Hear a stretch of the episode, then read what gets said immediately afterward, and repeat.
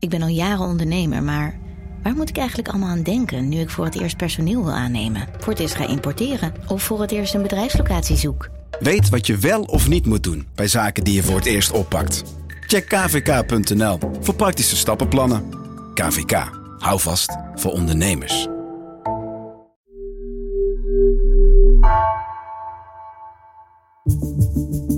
Vanaf de redactie van NRC het verhaal van vandaag. Mijn naam is Thomas Ruip.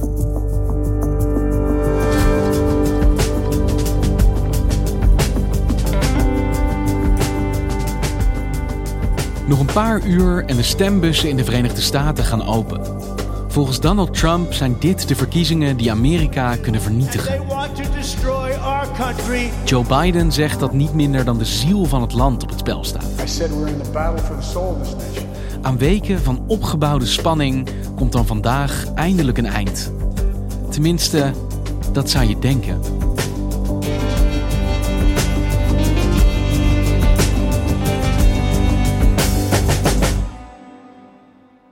Het is een nerveuze dag hier vandaag. Ik woon in Washington en je ziet hier dag na dag de houten planken oprukken die eigenaren van kantoren en winkels voor hun grote ruiten timmeren.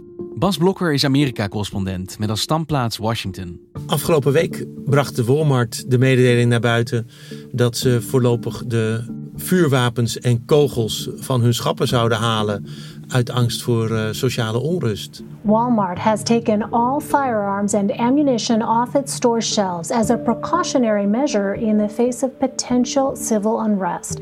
Local and state officials are bracing for possible violence on and after election day. Overigens is die laatste maatregel teruggedraaid. Walmart heeft gezegd het was niet zozeer sociale onrust in het land als wel op een beperkte plek. Maar het, uh, dat soort berichten weerspiegelen de zenuwen in Amerika en ze voeden die op, opnieuw. Uh, zoals een winkelier mij vertelde: nee, ik heb geen houten planken voor mijn raam getimmerd, maar als mijn buurman het doet, doe ik het ook.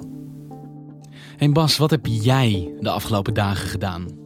Ik ben de afgelopen week voornamelijk thuis geweest om stukken te tikken en, en, en naar experts te luisteren. En in de maanden daarvoor ben ik heel veel op pad geweest. Ik ben uh, de afgelopen twee maanden helemaal aan de westkust geweest in Oregon. Ik ben naar Arizona gereisd. Ik ben in Kentucky wezen kijken. Ik ben afgereisd naar Pennsylvania. En door wat voor land reis je dan in de aanloop naar vandaag? Ja, het land is enorm gepolariseerd. Ik bedoel, de, de, de taal van de kandidaten is zo apocalyptisch, zou ik bijna willen zeggen. Joe Biden strijdt om de ziel van de natie. I said we're in the battle for the soul of this nation. And we are. En Donald Trump vertelt ons dag in dag uit dat als de Republikeinen niet winnen en hij geen president wordt, dat het land zoals wij dat kennen niet meer zal bestaan. Dat de voorsteden zullen worden vernietigd. Our radical Democrat opponents are driven by hatred, prejudice, and rage. They want to destroy you, and they want to destroy our country as we know it. Ik bedoel, het betekent letterlijk dat mensen om zich heen kijken en denken: kan ik mijn buurman nog wel vertrouwen? Dat betekent letterlijk dat mensen aan mij vragen: um, heb jij een tip voor mij of ik naar Nederland kan emigreren? Ik heb um, hier in het land een flink aantal zwaar bewapende mensen bij demonstraties uh, zien staan. Waarvan ik denk, die hebben die geweren ook vast op verkiezingsdag. Dit is een land dat zo sterk is verdeeld. Dat hoe de uitslag ook is, een groot deel van de mensen in het land zich daar moeilijk bij kan neerleggen. Dat is al heel spannend. Bas, het is hier nou ja, ochtend in Nederland. Uh, het krieken van de dag in de VS moet nog beginnen. Hoe gaat deze dag verlopen? Vandaag gaan naar schatting 150, 160 miljoen Amerikanen naar de stembussen om 358 kiesmannen te kiezen die op hun beurt, hun beurt de president aanwijzen. En ja, de, de stembussen gaan open aan de oostkust voor het eerst. Vanaf 7 uur ochtends, dus dat is bij jou 1 uur s middags. En dat doen ze tot 8 uur s avonds. En zo schuift het dan op van Washington, waar ik woon, tot uiteindelijk Los Angeles in Californië drie uur later. in de oostkust liggen eigenlijk al meteen de belangrijkste staten. Florida, Pennsylvania, North Carolina. Dat zijn mokerslagen in deze verkiezingen.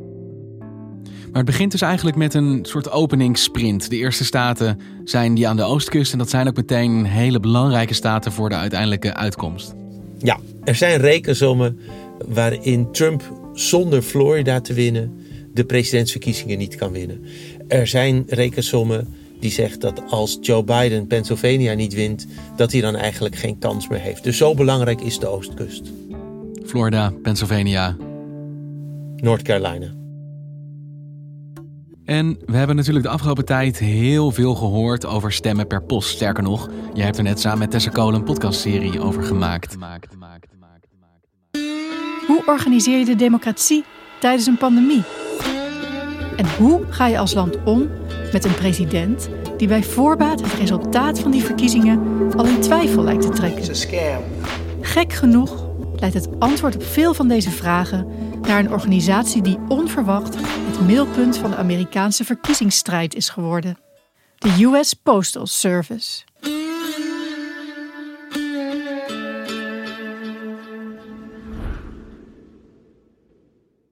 Alles is anders dit jaar door de grote rol van de poststem in deze verkiezingen. Hier hebben we een flinke klap van de COVID-19-epidemie gekregen. Dat betekent dat een heleboel mensen niet naar het stembureau durven gaan. Uit angst om fysiek in de nabijheid van andere mensen te komen. This really scares me, this kind of thing. I never thought I'd see it. Even if we have a line of 10 people, how are we going to keep everybody, you know, safe from the germs? Die mensen gaan per post stemmen of hebben in overweldigende mate al per post gestemd.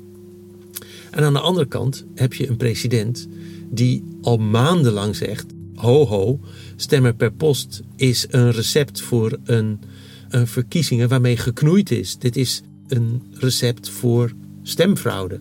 Dit worden geen eerlijke verkiezingen omdat zoveel mensen per post stemmen. I think that mail-in voting is a terrible thing. They're being lost. They're being discarded. They're finding them in I don't files. trust the mail because of all the hoopla. because I don't trust the mail. It's going to be a catastrophe. Wat ook heel anders is, is dat heel veel mensen dit jaar vroeg hebben gestemd. Naar de schatting de helft van alle mensen die in 2016 zijn opgekomen voor de presidentsverkiezingen, heeft nu al gestemd door, door middel van het zogenoemde early voting. Dat kan zowel per post als in persoon bij sommige stembureaus. De helft van de totale opkomst van vorige verkiezingen is nu al klaar met stemmen eigenlijk. Gewoon omdat dat vooraf gedaan is. Ja, ja, het mag alleen nog niet geteld worden. En wat mensen zien, is dat vooral democraten dat hebben gedaan. Want wat is er de verklaring voor dat democraten gebruik maken van het poststemmen en in mindere mate de republikeinen? Ik denk dat de belangrijkste verklaring het verschil is in hoe ze geloven, uh, gekke term in dit verband, in het coronavirus. Uh, Hè? Ja, als je in door en door republikeinse staten komt, dan dragen minder mensen bijvoorbeeld al een mondkapje. Dat is omdat ze het met de president en de regering een beetje eens zijn dat het wel meevalt. Dat is omdat ze eigenlijk denken dat alle gevestigde media de COVID-crisis te heftig voorstellen. Het is bijna een levenshouding geworden om je onverschillig dan wel heel betrokken op te stellen bij de COVID-crisis. En als je niet gelooft dat de COVID-epidemie reëel is of ernstig is, dan heb je natuurlijk ook minder bezwaar om op de verkiezingsdag naar een benauwd stemlokaal te gaan. Dan denk je van, nou ja, nou en het bestaat toch niet.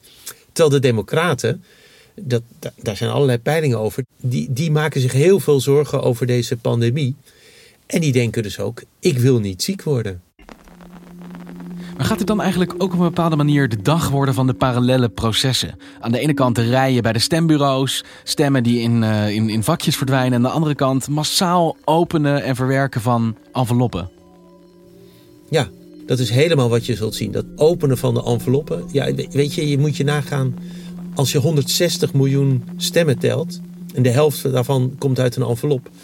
Ik bedoel, tel maar eens tot 80 miljoen. Weet je, als elke envelop openen en de stembiljet eruit halen een halve seconde duurt, ben je nog altijd 40 miljoen seconden bezig met het tellen van poststemmen. Want als het zo is dat democraten relatief meer per post gaan stemmen, republikeinen meer fysiek en poststemmen langer gaan duren, dan zou je kunnen denken dat op de dag zelf republikeinen eerder het gevoel geven dat zij hun kandidaat laten winnen. Was het maar zo, want dan, dan wisten we zeker dat het overal gelijk was. Het is in elke staat anders. Er zijn stembureaus waar de poststemmen eerder mochten worden geopend, maar waar ze dan nog geheim in een computer worden gezet. Maar er zijn ook staten, Pennsylvania bijvoorbeeld, een van die heel belangrijke staten, waar de, waar de eerste envelop pas open mag als het stembureau dichtgaat. Want tot hoe lang na het sluiten van de fysieke stembussen worden er nog papieren stemmen verwerkt? Mogen er nog, nou ja, dus enveloppen opengemaakt worden? Ja, dat is een van de beste vragen die je kunt stellen en een van de slechtste antwoorden die je kan geven. Nou, kom maar door. Ik weet het niet. het is overal anders en ik weet het niet precies. Het is. Uh, hier zijn uh, partijen voor naar de rechtbank gegaan. Hiervoor hebben ze in North Carolina, in Wisconsin, in Pennsylvania rechtszaken gevoerd die tot aan de, het Amerikaanse hoogste gerechtshof zijn gegaan. Als ik het heel simpel stel, de Democraten willen dat zoveel mogelijk mensen mogen stemmen en dat zoveel mogelijk stemmen mogen worden geteld tot in het einde der tijden. En de Republikeinen willen dat zo min mogelijk mensen mogen stemmen en dat zo min mogelijk stemmen worden geteld. Dat klinkt heel cynisch en dat is het ook. Dit is gewoon machtspolitiek. We hebben afgelopen week een paar belangrijke uitspraken van het Supreme Court gehoord. Ik noem Wisconsin, dat is een staat waar de Democraten hadden gevraagd of ze de regels voor het tellen wat mochten oprekken. Ze zeiden: jongens, het is koud daarbuiten, het is een pandemie daarbuiten. Laten we nou ervoor zorgen dat alle stemmen die mensen uitbrengen worden geteld. En laten we tot negen dagen na afloop nog geldige stemmen mogen tellen. Het, het lokale parlement was daartegen. En uiteindelijk heeft het Supreme Court gezegd: wij zijn het eens met de lokale wetgever. Die bepaalt hoe de regels zijn. The Supreme Court's conservative majority is refusing to extend Wisconsin's deadline to receive mail-in ballots. In a 5 to 3 ruling, the High Court sided with the state's Republicans. All absentee ballots in Wisconsin must be received by the time polls close at 8 p.m. local time on November 3rd. En in Pennsylvania heeft een, meerderheid van het Supreme Court de tegenovergestelde redenering gevolgd. Daar heeft de wetgever bepaald dat, er, uh, dat ze langer mogen doortellen met stemmen die later binnenkomen. Judy, late yesterday, the Supreme Court said that new deadlines for mail in ballots could take effect in North Carolina and in Pennsylvania. In Pennsylvania, ballots can arrive as late as Friday the 6th. So, what the court did was allowed voters who postmarked their mail in or absentee ballots by 8 p.m. on election day. Those votes can be counted if they're received by 5 p.m. on Friday. So, three days later, that could potentially be significantly more votes. En hoe kan het dan dat hetzelfde Supreme Court in twee verschillende staten eigenlijk tegengesteld oordeelt? In Wisconsin een harde deadline en in Pennsylvania juist veel meer flexibiliteit. Meestal volgt het Supreme Court de lijn van de lokale wetgever. En dat kun je hier ook zien. Ze zeggen: het is niet aan de rechtsprekende macht om te bepalen hoe de verkiezingen worden georganiseerd. Dat is aan de wetgevende macht. En dat is het verschil tussen Wisconsin en Pennsylvania. Ik heb wel in de zaken die het Supreme Court hebben bereikt, een paar voortekenen gezien, waardoor ik me de zorgen van de Democraten over de houding van het Supreme Court inmiddels wel kan voorstellen. Je weet, het Supreme Court is net van samenstelling veranderd. Daar zitten inmiddels zes door Republikeinen benoemde rechters in, waarvan drie door president Trump zijn benoemd. Kerstverse conservatieve krachten. Dus Democraten waren sowieso al een beetje nerveus dat er een 6-3 meerderheid is die misschien geneigd zou zijn om president Trump in mogelijke rechtszaken gelijk te geven. En met name in de uitspraak van het hoogste gerechtshof over Wisconsin zie ik wel aanwijzingen voor, hun, voor de democratische nervositeit. Maar wat zie jij dan? Wat lees jij in die uitspraak? Nou, de uitspraak houdt vast aan de harde lijn, de harde deadline van de wetgevers in Wisconsin. Maar twee van de rechters aan het Supreme Court hebben ook een zogeheten concurrence, een toelichting op de uitspraak geschreven. Zo heb je bijvoorbeeld rechter Brett Kavanaugh. Die schrijft: Je wil niet hebben dat binnendwarrelende stemmen na verkiezingsdag, dus hij bedoelt stemmen per post, als ze daarmee een verkiezingsuitslag omdraaien. Justice Brett Kavanaugh joined the conservative majority, writing a concurring opinion that alarmed voting rights advocates after he claimed counting ballots received after Election Day could create, quote, suspicions of impropriety because they could potentially flip the results of an election, he wrote. Maar het punt natuurlijk is, als er wettelijk de ruimte is om per post te stemmen en wettelijk de ruimte is om met een poststempel van verkiezingsdag ook drie dagen later nog een geldige stem te zijn, waarom spreek je dan van een uitslag terwijl het een voorlopige uitslag is? Ja, je zegt dan eigenlijk dat er een uitslag was terwijl niet alle stemmen geteld zijn. Juist, en dat is natuurlijk, dat, dat heeft de schijn van partijdigheid. Want zegt deze rechter van de Supreme Court hier eigenlijk mee dat hij meer belang hecht aan fysieke stemmen dan aan poststemmen? Nee, hij zegt dat hij meer belang hecht aan stemmen die kunnen worden meegeteld op 3 november dan op stemmen die daarna nog worden geteld. En is het op die manier dat deze dus goed deels door de Republikeinen benoemde Supreme Court toch een invloed heeft op het verloop van deze verkiezingen? Dus vooraf eigenlijk door te zeggen hoe dat telproces wel en niet geldig zal zijn. Zeker, ze hebben beslist invloed op het proces vooraf. Maar de kriebels beginnen natuurlijk omdat ze ook wellicht een rol achteraf hebben. Dan bedoel ik op het jaar 2000. In dat jaar waren de republikein George W. Bush en de democraat Al Gore met elkaar in een hele nauwe race verwikkeld. Stay with us. We're about to take you on an exciting and bumpy ride. This promises to be one of the closest races in American presidential history. It is shaping up as just that tonight. Het ging om de staat Florida. Wie die zou winnen, die zou president van de Verenigde Staten worden. Daar was de, de race too close to call, zoals ze dat noemen. En dat betekent dat er wettelijk moet worden hergestemd. Election night. All right, we're officially saying that Florida is too close to call because of a recall. Uh, campaign and voter uh, counters are being called back to work to count uh, absentee ballots. Will that be going on throughout the evening, so far as we know? Daar zijn mensen dagen en weken gaan tellen. Ja, en toen werden de Amerikanen knettergek en heeft het Supreme Court uiteindelijk ingegrepen. En het Supreme Court heeft verordoneerd dat het tellen van stemmen moest staken op een bepaald moment.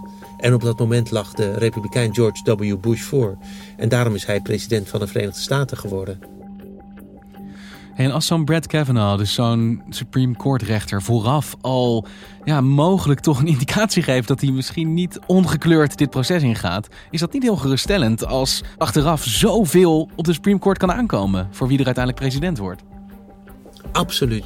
Uh, Trump is nu, trekt nu als een, als een orkaan door het land en geeft rally na rally. En onlangs heeft hij gezegd: Ik hoop dat ik dinsdag al weet dat ik win. If we win, if we win on Tuesday, or thank you very much, Supreme Court, shortly thereafter. Of anders, dankjewel Supreme Court, een paar dagen later. En dat, in dat dankjewel Supreme Court lezen de tegenstanders van Trump, en niet ten onrechte, alweer dat hij het gevoel heeft als het zover komt, dan heb ik het Supreme Court aan mijn zijde of een meerderheid daarin.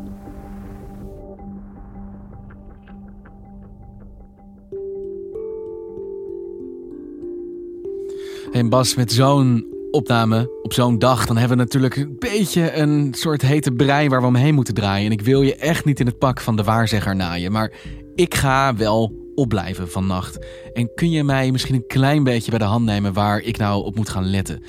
Zijn er beslissende momenten, keerpunten, staten waarvan je kan zeggen, nou dan moet je eventjes je ogen open doen? Uh, je moet eigenlijk op het puntje van je stoel gaan zitten met je ogen open. op, um, uh, aan de oostkust is dat om 8 uur s avonds gaan de stembussen dicht. En dat betekent, dat is voor jou twee uur s'nachts. Dan gaan de eerste berichten naar buiten druppelen. Uh, let vooral niet te veel of let vooral heel voorzichtig op wat ze dan als exit polls naar buiten brengen. Dat, dat doen media altijd. Die, die staan altijd bij de deur en vragen mensen wat hebt u gestemd? Dan gaan ze turven. Dat lijkt me dit keer een heel riskante methode, gezien alle poststemmen. Maar er komt wel een voorspelling op basis van de mensen die fysiek daar gestemd hebben. Ja, dat is wat mij de meeste kriebels geeft. Ik ben het, het zelf als journalist het allerbangst voor zeg maar gereputeerde media die een vroege uitslag brengen. Ik kan je zeggen, NRC Handelsblad heeft uh, zichzelf beloofd heel veel zelfbeheersing te betrachten.